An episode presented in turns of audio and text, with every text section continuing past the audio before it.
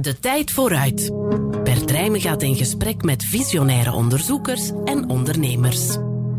Vandaag Gerrit-Jan Schaefer, de CEO en een van de founding fathers van Energyville. Ja, nou laten we even stapje voor stapje beginnen. Dus personenvervoer wordt sowieso elektrisch. Daarnaast heb je zeg maar nog de bestelbusjes en de distributie, uh, die gaan ook elektrisch worden. Met meer dan 30 jaar ervaring in de energiesector op de teller is hij de ideale man om ons door de energietransitie te leiden.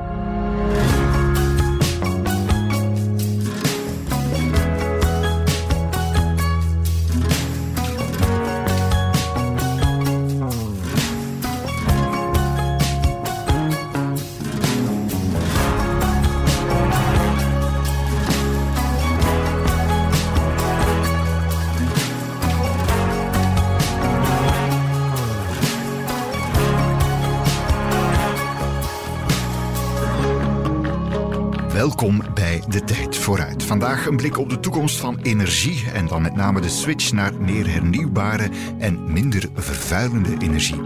Dat doen we met Gerrit-Jan Schaefer, de CEO van Energyville. En voor wie dat nog niet kent, Energyville is een onderzoeksinstelling in Genk, een samenwerking tussen de KU Leuven, de Universiteit Hasselt, VITO, de Vlaamse instelling voor technologisch onderzoek, en IMEC, het Interuniversitair Microelektronica Centrum, ook in Leuven. Die partners doen samen onderzoek naar duurzame energie en intelligente energiesystemen. Schaefer is een vlotte en sympathieke Nederlander, bijna twee meter groot, een wetenschapper, maar ook een ondernemer. Hij nam een tijd terug ook even een pauze uit de onderzoekswereld om een bedrijf op te richten dat grote zonnepaneleninstallaties plaatst. Hij heeft dus ook met zijn voeten in de ondernemersklei gestaan. Ik had natuurlijk mijn, mijn, hele leven, mijn hele carrière doorgebracht in onderzoeksinstellingen. En dan denk je dat je wat weet over de markt, maar je weet er eigenlijk niet zoveel van. En het feit dat je weet van, goh, als ondernemer moet je zorgen dat die cashflow wel binnenkomt. Zelfs om jezelf te kunnen betalen. Uh, dus heel belangrijk dat je steeds klanten blijft werpen. Dat je blijft innoveren, maar ook niet al te grote risico's durft te nemen. Dat het altijd wel gaat van wie kan mij dit leveren en is die leverancier ook betrouwbaar. Kan ik daarna nog, nog op rekenen over tien jaar als ik terug moet komen? al dat soort overwegingen, die voel je aan de lijve. En dat is natuurlijk heel anders dan wanneer je dat theoretisch leest op een plaatje papier. Gerrit-Jan Schaefer gaat ons in deze aflevering door de energietransitie leiden. Dat is zonder meer de uitdaging van onze tijd. Iedereen is ermee bezig, u en ik als burgers, de politiek en onze bedrijven. En mijn idee daarvan is, is dat in de, de boardrooms, in de beslissingscentra van kleine bedrijven, maar denk ik ook zeker de grote, men eigenlijk al lang is beslist om een transitie te doen. En klopt dat? En, en welke transitie is het dan? Nou ja, dat klopt. En daarom is het ook zo interessant om in deze periode ook weer onderzoeksinstituut te zijn. Je rol is heel anders. Waar we 15 jaar geleden, als het een project over warmtepompen bijvoorbeeld over ging, dan moesten wij dat trekken, moesten wij bedrijven enthousiast krijgen om mee te doen bij een projectaanvraag. Nu is het omgekeerd. Er worden warmtepompen verkocht, er worden elektrische auto's verkocht, eh, er wordt heel hard nagedacht inderdaad in de boardrooms over, gaan we staal maken met waterstof in plaats van met kooks en met steenkolen zoals het nu gebeurt? Ja, maar wanneer dan en hoe snel gaan we dat doen? Dat leeft nou enorm meer. En nu zijn wij veel meer de versterker van dat soort van processen dan dat de aanjager uh, hoeven te zijn. Die energietransitie is al volop bezig. Tijd om te ontdekken waar die ons naartoe zal leiden.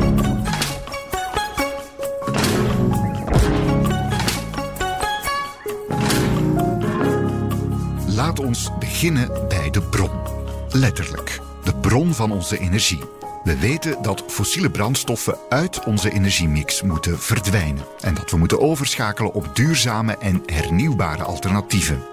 Klinkt allemaal geweldig, maar waar gaat onze energie dan vandaan komen? Ja, kijk, je kan naar het eindplaatje kijken, maar we weten ook dat we nu een hele chaotische tussenfase gaan krijgen. En dan heb ik het dus niet alleen over België of over Nederland, maar ook over Duitsland, waar ook al kolencentrales gaan vervroegd dicht. Maar er gaan heel veel van die grote centrales die constant draaien, of het nou kolen of kerncentrales, die gaan eruit. En daarnaast wordt er wel heel erg veel nieuwe opwekkers neergezet. En dat is een heel groot deel wind op zee. Dat gaat enorm toenemen. Maar ook zonne-energie niet onderschatten. En ik denk zeker met deze hoge prijzen, als die nog een aantal jaren zo blijven, en dat is de verwachting. Dus de hoge prijs van gas, en dus van elektriciteit ook. Dat je, on, of je nou een goed beleid hebt of niet, uh, daar gaat gewoon heel erg veel ook zonne-energie worden neergezet. Hm. En het gaat wel toe naar waar we uiteindelijk naartoe willen. Dus uh, waar het naartoe gaat, wat het beeld wordt. Het beeld wordt de bulk van alle elektriciteit wordt opgewekt door zon en wind gecombineerd met batterijen. En die batterijen kunnen staan bij die zon- en windparken zelf. Die kunnen staan in huizen bij je eigen zonneinstallatie of in, in gebouwen. Die zitten in de auto's. Auto's die dan niet meer een passieve afnemer worden, maar een mede onderdeel van het elektriciteitsnet. Trouwens, de nieuwste Hyundai Ioniq en dan moet ik even weten of het vijf of zes is. Vijf zie ik daar. Die kan dat al. Hè? En eigenlijk moet het geëist worden door de politiek, door het beleid. Dat alle auto's dat vanaf 2023 bijvoorbeeld hebben. Alle, alle elektrische auto's. Dat ze terug kunnen leveren. Dat er slimme laadpalen staan. En dan heb je eigenlijk dat je enorm veel opslagcapaciteit hebt in je net. Dan worden vraag en aanbod constant op elkaar afgestemd. En er zijn allerlei slimme algoritmen voor om dat op een hele efficiënte manier te doen. Klinkt allemaal best goed en zelfs utopisch. Alhoewel. Is één maar. En die geldt eigenlijk alleen maar voor Noordwest-Europa. In die zin is het weer een soort van uh, westers uh, centrisme, zeg maar. Mhm. Want het volgende probleem waar ik nu ga stellen... heeft 80% van de wereldbevolking heeft daar geen last van. Namelijk dat we seizoenen hebben. En het kan heel goed zijn dat je dan in de zomer echt een overschot aan energie hebt. En in de winter misschien wel drie, vier weken kan hebben dat het heel koud is, niet waait en het mistig is. Wat doe je dan? Dus eigenlijk heb je een soort van backup nodig. Eigenlijk heb je geen opslag nodig. Maar je hebt wel een soort van minimale hoeveelheid aan centrales in Europa nodig. Die aan kunnen gaan op het moment dat je het wil dat ze aangaan. En die draaien dan misschien maar een paar weken per jaar. Dus het beste zijn dat geen dure centrales. Het beste zijn dat hele goedkope centrales. En als ze dan op iets duurs moeten draaien, dan is dat niet zo erg, want het is maar een klein gedeelte van dit jaar. Nou ja, gascentrales passen daar heel goed bij, ja. mits ze tegen die tijd niet meer op aardgas draaien. En voor u het zich afvraagt, ik heb het met Schaefer ook over kernenergie gehad. Alleen doet de discussie kernenergie of niet er volgens hem niet zo toe. Het mag, maar het moet niet. Wat echt belangrijk is volgens Schaefer, is de toekomstige flexibiliteit van ons elektriciteitsnetwerk. Het beeld wat u beschrijft is wel een heel dynamisch beeld. Hè? Batterijen die ook leverancier zijn, afnemer zijn. Hebben we wel een netwerk dat dat aan kan? Want dan moet je ook wel een netwerk hebben dat super dynamisch kan zijn. Waar Klopt. Uh, iets op, de, op het ene moment stroom afneemt en het andere moment levert. Klopt. Zo evident is dat misschien niet. Nou ja, daar, daar wordt dus door onderzoeksinstituten al heel lang onderzoek naar gedaan. En daar zijn ook in de praktijk al heel wat pilootprojecten rond geweest. Het kan dus wel. Alleen dat betekent eigenlijk dat je een soort van marktwerking krijgt. Zoals die nu op de groothandelsmarkt plaatsvindt en ook tussen landen. Wat heel goed werkt, maar dan moet eigenlijk afdalen naar het lagere niveau. En dan moet ook, ja, jij en ik moeten ons daar geen zorgen over hoeven te maken. Voor mij zou het nog leuk zijn als beroepsdeformant. Maar ja. als we zeggen 99% van de mensen vinden dat helemaal niks. Dan moeten Willen daar, daar zijn dus inderdaad algoritmes voor. Dat kan geautomatiseerd worden.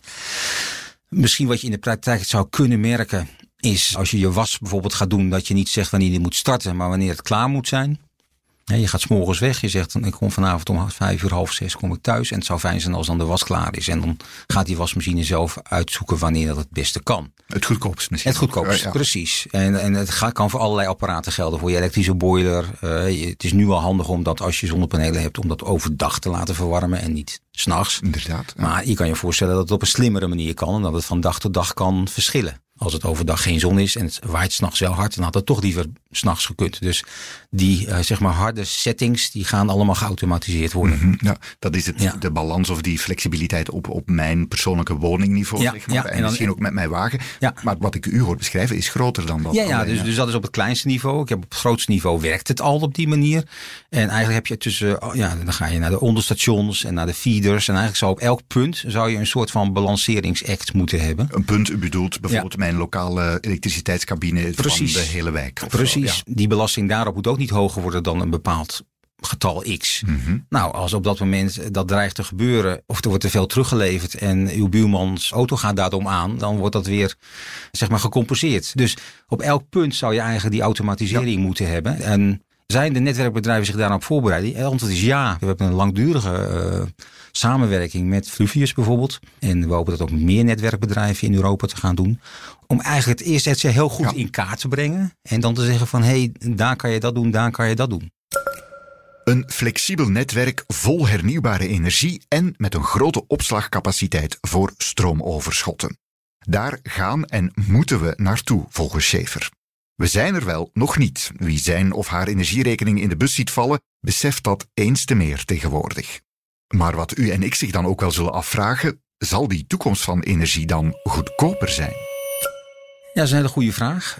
Op dit moment is het zo dat als er momenten zijn dat er juist heel veel zon en wind is, dat het dan veel goedkoper is. Want de extra kilowattuur die je moet produceren kost niks. Ja. En de markt is eigenlijk gebaseerd op die prijs. Dus het eigenlijk is het devies, zet zoveel mogelijk van die zonnepanelen neer en van die windmolens. Uiteindelijk worden windmolens op zee en ook zonnepanelen worden steeds goedkoper en goedkoper. En is dan zelfs nog gezien over een jaar of 15. Nou, we hebben het wel eens gehad over de nucleaire rente. We gaan straks de solaire rente gaan we krijgen. Want straks dan staan die zonnepanelen daar 15 jaar. Die zijn volledig afbetaald. Dan kost het eigenlijk helemaal niks meer. Want er gaat geen brandstof in, niks. Dus ik denk dat we inderdaad op den duur ook spotgoedkope elektriciteit krijgen uit hernieuwbaar. En dat is eigenlijk ook de basis van dit systeem. Hè? Bijna, ja, we hebben het, vroeger hadden we het over nucleair, too cheap to meter, zeiden ze in de, in de jaren 50. We gaan langzamerhand naartoe dat dat voor hernieuwbaar gaat gelden. Je moet het nog steeds meten, denk ik, om ook allemaal die andere redenen. En er is altijd natuurlijk wel nog wat lopende kosten die je moet gaan dekken. Maar die investeringen, zeg maar de prijzen die nu gevraagd worden voor 15 jaar steun. In Nederland is dat zelfs zonder subsidie, met een aanname van zo'n 3, 4 cent per kilowattuur. Die zijn dan genoeg om het binnen 15 jaar af te betalen. En eigenlijk, uh, ja, en dat hoor ik dan graag, naar gratis uh, energie. Ja, ja, goed. Graag, graag. Niks is ooit gratis. Maar je gaat gewoon krijgen dat de energieprijs na die energietransitie, die gaat dan ontzettend goedkoop worden. En eigenlijk, als je weer uitzoomt naar het globale plaatje, de enige reden waarom fossiele brandstoffen echt stoppen, is omdat de energie te goedkoop is. Zolang er nog een hele hoge prijs wordt gevraagd voor fossiele industrie, zullen er altijd landen in de wereld zijn die een economisch incentive hebben om, om kolen te delven, om in, in, in, in de poolgebieden naar gas te zoeken enzovoort. Dus het doel moet uiteindelijk zijn, hele goedkope energie, dat het gewoon geen zin meer heeft om dat te gaan doen.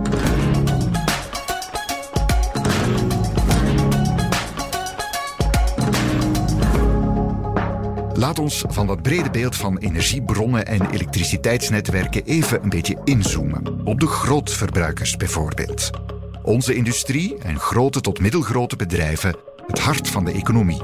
Energie is de brandstof die die machine doet draaien. En ook daar speelt de transitie volop. Al loopt dat niet zonder horten en stoten.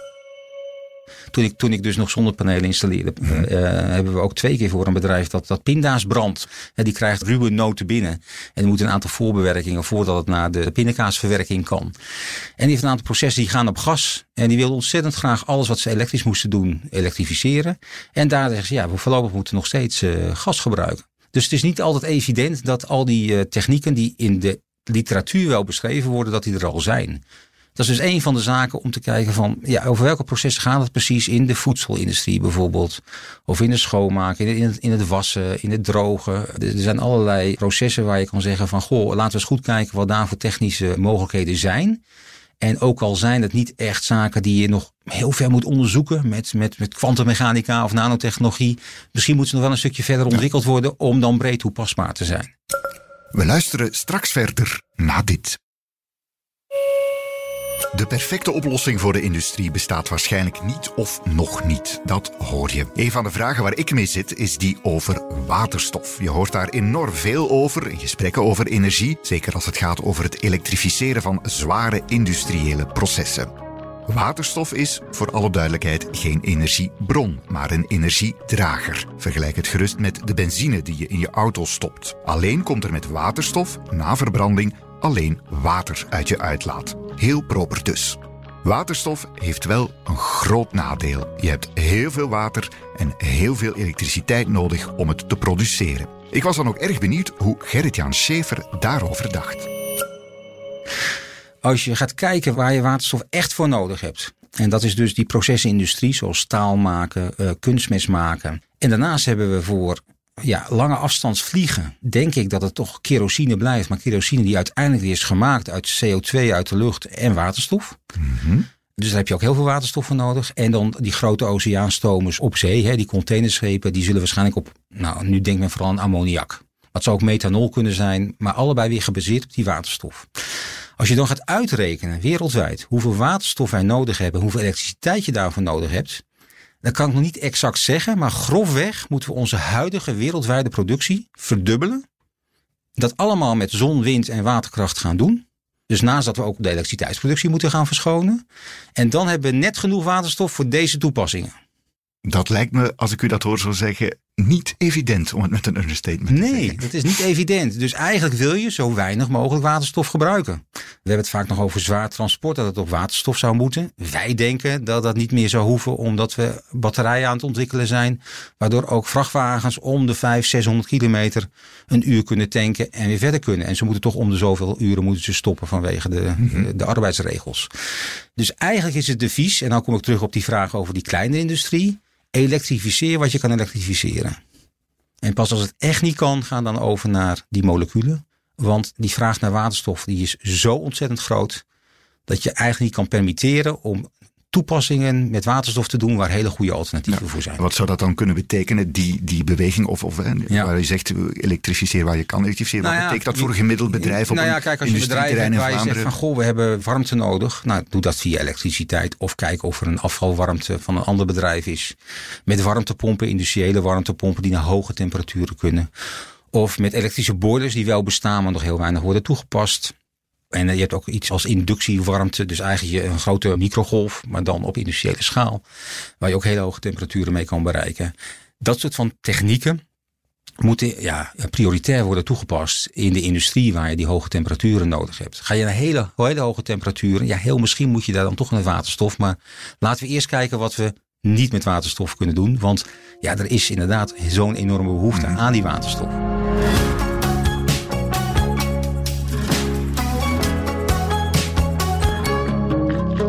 Heeft u recent ook al eens naar een elektrische wagen gekeken? Misschien heeft u er zelfs al één. Personenvervoer en transport op de weg elektrificeren is een van de sleutelpunten van de energietransitie. Ook volgens Schaefer. Ja, nou laten we even stapje voor stapje beginnen. Dus personenvervoer wordt sowieso elektrisch. Daarnaast heb je zeg maar nog de bestelbusjes en de distributie, eh, die gaan ook elektrisch worden. Dat zet zich nu ook al in. Is dat ook sterk genoeg? eh, Ja, dat is sterk motor? genoeg. Ja, ja. ja, de elektrische motor heeft op zich, natuurlijk, het moest allemaal nog beginnen en zo, maar fundamenteel is een elektrische motor ontzettend efficiënt. Dat is misschien wel goed voor iedereen om te weten. Van elke eenheid die erin gaat, stel er gaan 10 eenheden energie in, er wordt er iets van 8 à 9 omgezet in beweging. Mhm. Met een verbrandingsmotor is het maar 3 maximaal. 2 à 3. Die verliest veel. Ja, je verliest, de rest gaat, wordt warmte. Dus het is al fundamenteel efficiënter. En daarom is alleen al het overschakelen op elektrische auto's is al een enorme energiebesparing.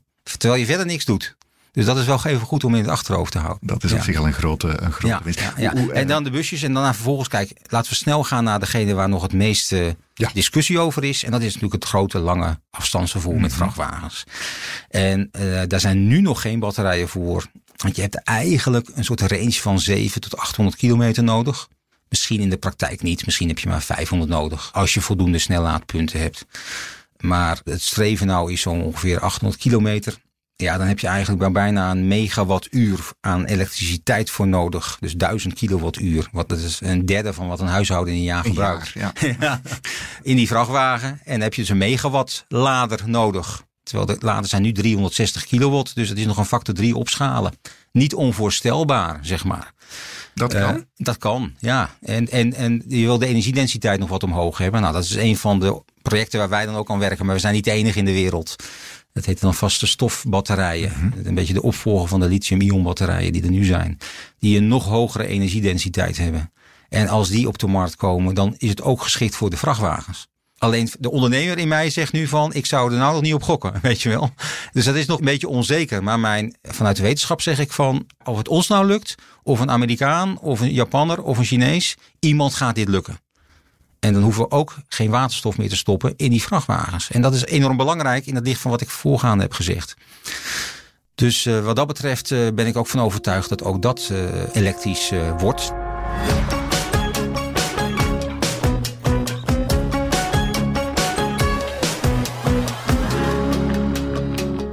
Dan komen we bij wat u misschien persoonlijk het meest zal raken in de hele transitie. Het huis of appartement waar u woont. Mijn woning, daarvan weten we dat die gemiddeld genomen, als we de Belgische woning vergelijken met wat er in de rest van de Europese Unie staat, is eigenlijk niet zo goed geïsoleerd, is eigenlijk een beetje te oud, lopen we daar wat achter met een aantal technieken. Ja, daar moet wel heel veel gebeuren nog. Hè? Ik vind dat eigenlijk de grootste uitdaging. Het rare is dat de technieken er allemaal zijn. Dus er hoeft technologisch niet zo heel veel meer extra ontwikkeld te worden. Het mag natuurlijk allemaal wel goedkoper, dus daar doen we hard ons best voor.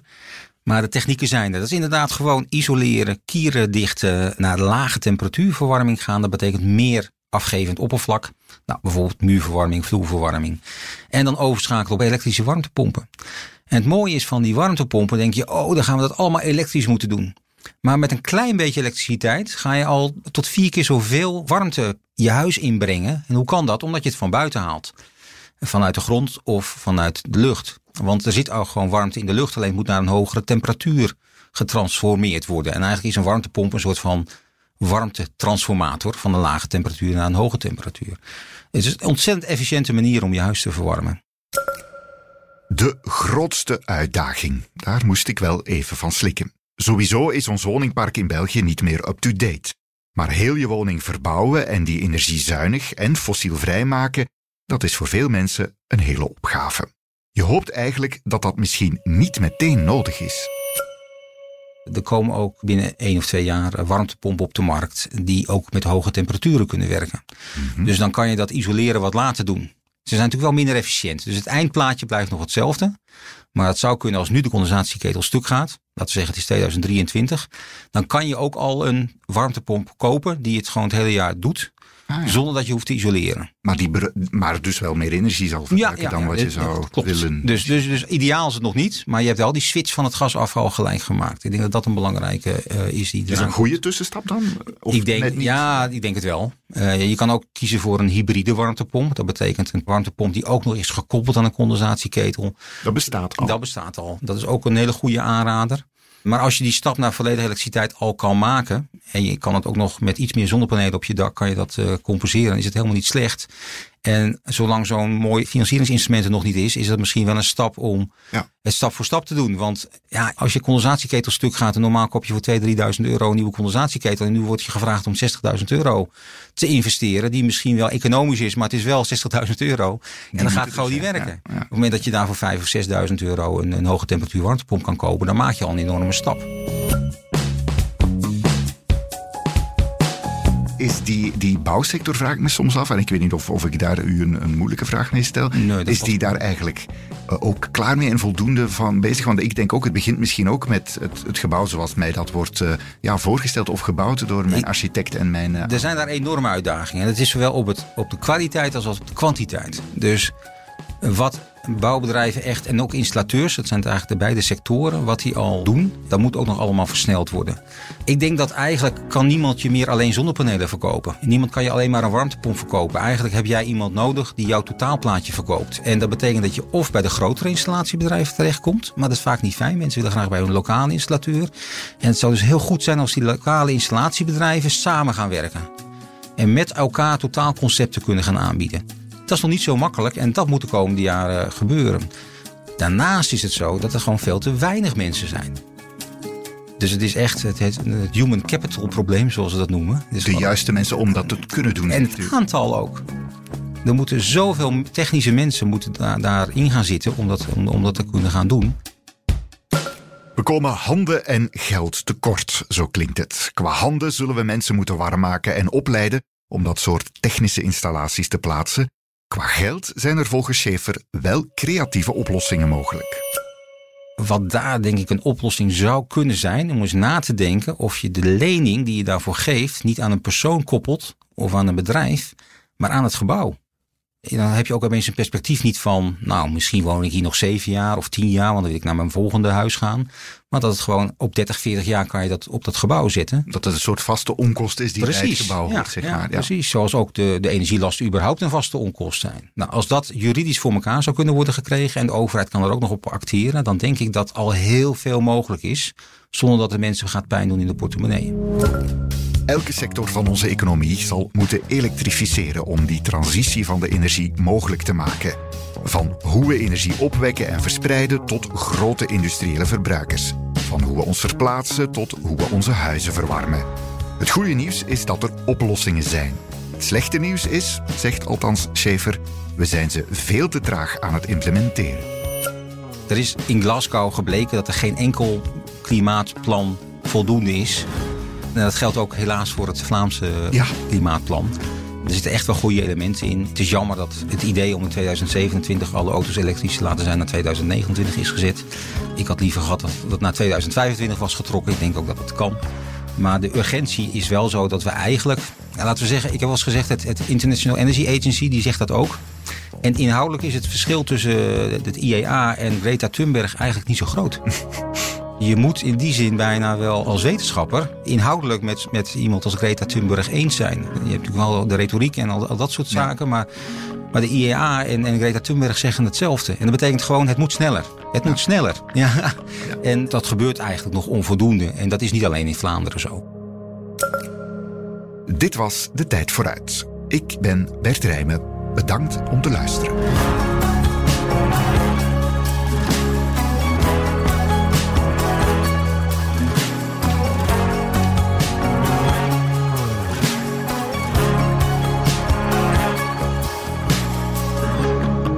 Meer business en straffe nieuwsverhalen, check tijd.be of onze app.